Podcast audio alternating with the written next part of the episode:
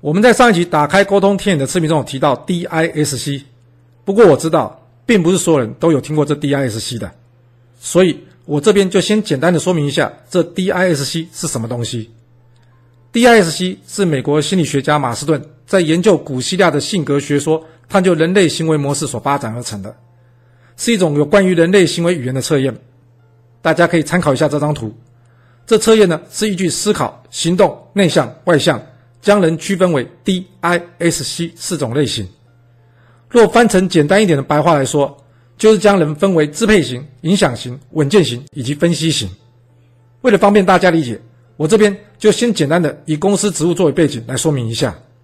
所谓的支配型，顾名思义，就是喜欢下决定的人。通常，听好，我说的是通常，并不是绝对。通常在公司就是公司的负责人或是经理人。这类型人对事物的判断呢是结果重于过程，同时他们非常注重品牌愿景。至于影响型呢，则是主动会去感染别人的人，一般来说是公司的市场行销人员以及业务人员。这类型的人对事物的判断特别重视感觉、满意度、友好度，而稳健型呢，则是容易专注的协助执行任务。一般来说，大多是研发或是行政人员。这类型人对事物的判断主要在于流程、程序、过往的经验。最后，分析型就是有一定专业背景的人，大多来说都是公司的法务或是财务人员。这类型人对于事物判断的主要仰赖是数据以及书面资料。我知道，其实有很多公司有对员工做过这类型的分析，并且应用于团队的代理以及人际关系的沟通。这的确是个提升工作效率的好方法。不过，我发现非常可惜的是，除非是透过测验，大多数学这课程的人呢都没有被教导到。要如何运用少量资讯前提下，就能快速判断对方在沟通的当下究竟是属于哪一种类型的人？请记住我刚刚说的这句话：对方在沟通的当下究竟是属于哪一种类型的人？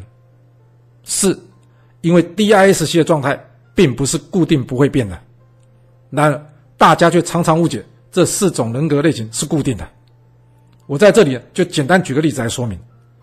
在公司担任工程师、会计师的人，你觉得他在公司面对主管、同事时的沟通方式，会跟他回到家时对小孩的沟通方式会一样吗？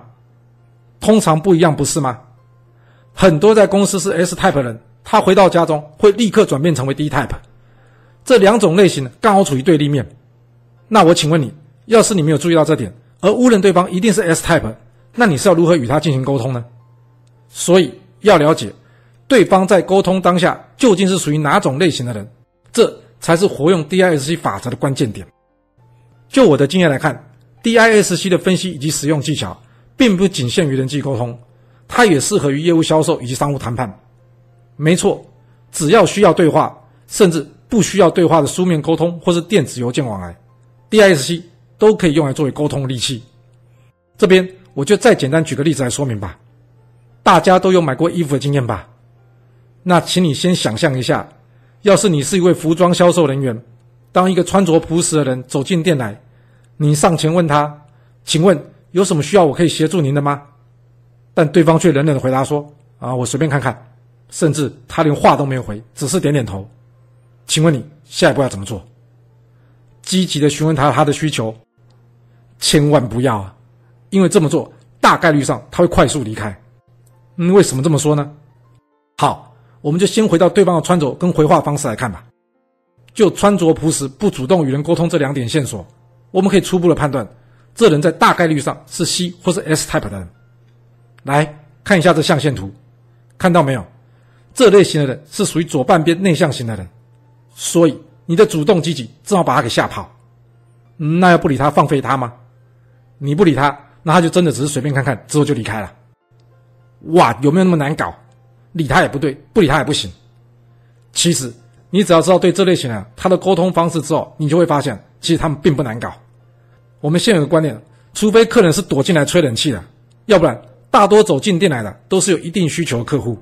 所以呢，我们应该要好好把握每个进门客户的机会。面对 C 或 S type 的人，我们要做的事呢，并不是积极的询问他的需求，而只是要告诉他特价商品跟热销商品放在哪。是。不要抛出问题，只要给出指引。接着，我们要做的事就是观察他的行动。会走向特价商品的人，多半是 C type 的人，而会去看热销商品的人，则多半是 S type 的人。了解了这一点之后，我们才可以开始用正确的方式去应对，与他沟通。要是你发现，在你的提示或者指引之后，这个人他正慢慢的飘过去看这热销商品，bingo 啦！换句话说，他是 S type 的人。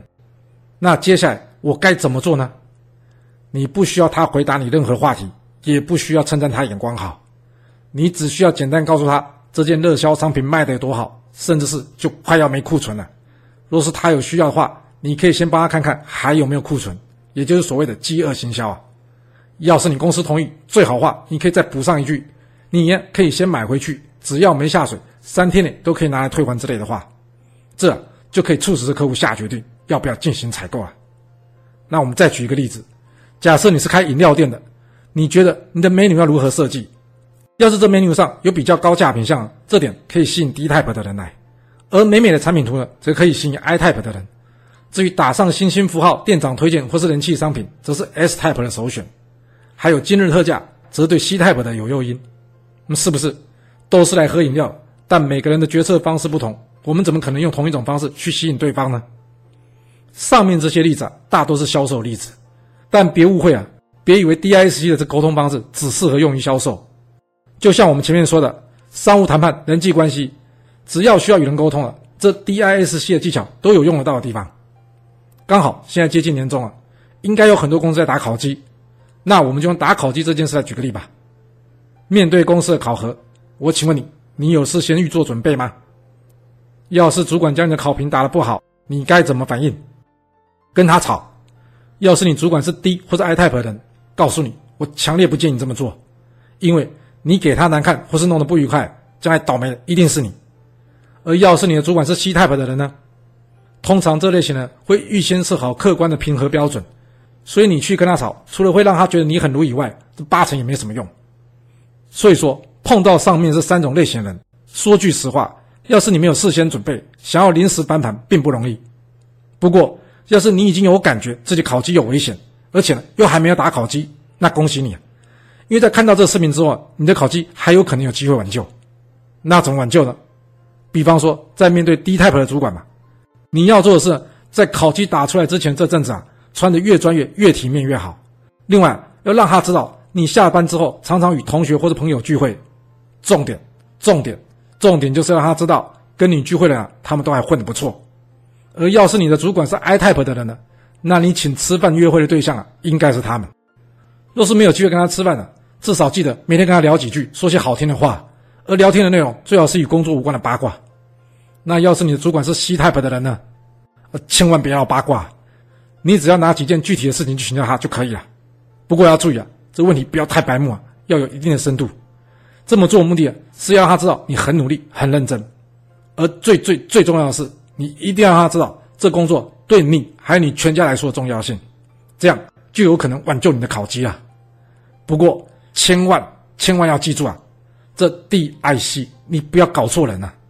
当然，要是你的存在涉及到公司派系或是挡到主管利益，又或是你们公司已经经营不善，那这就不是沟通问题可以解决了，这是政治问题或是经济问题啊。那或许有人已经发现了，哎，我好像忘了说 S type，没有忘。因为 S type 的主管，你跟他争执或者坚持不在考绩结果上签名，那是会有用的。不过还是要记住一点，记得给人留点面子啊。所谓人情留一线，日后好相见。我在这里说的争执，不是要你大吵大闹，而是态度坚定，据理力争。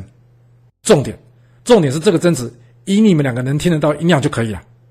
好，我们今天暂时先说到这。有问题或者有想听哪方面的人，也欢迎留言告诉我，这样我才知道。我的经验分享是不是真的能对大家有所注意？那记得，要是你觉得这视频对你有所帮助，记得帮我点赞、分享、订阅，并打开小铃铛哦。那谢谢大家，我们下次再见哦。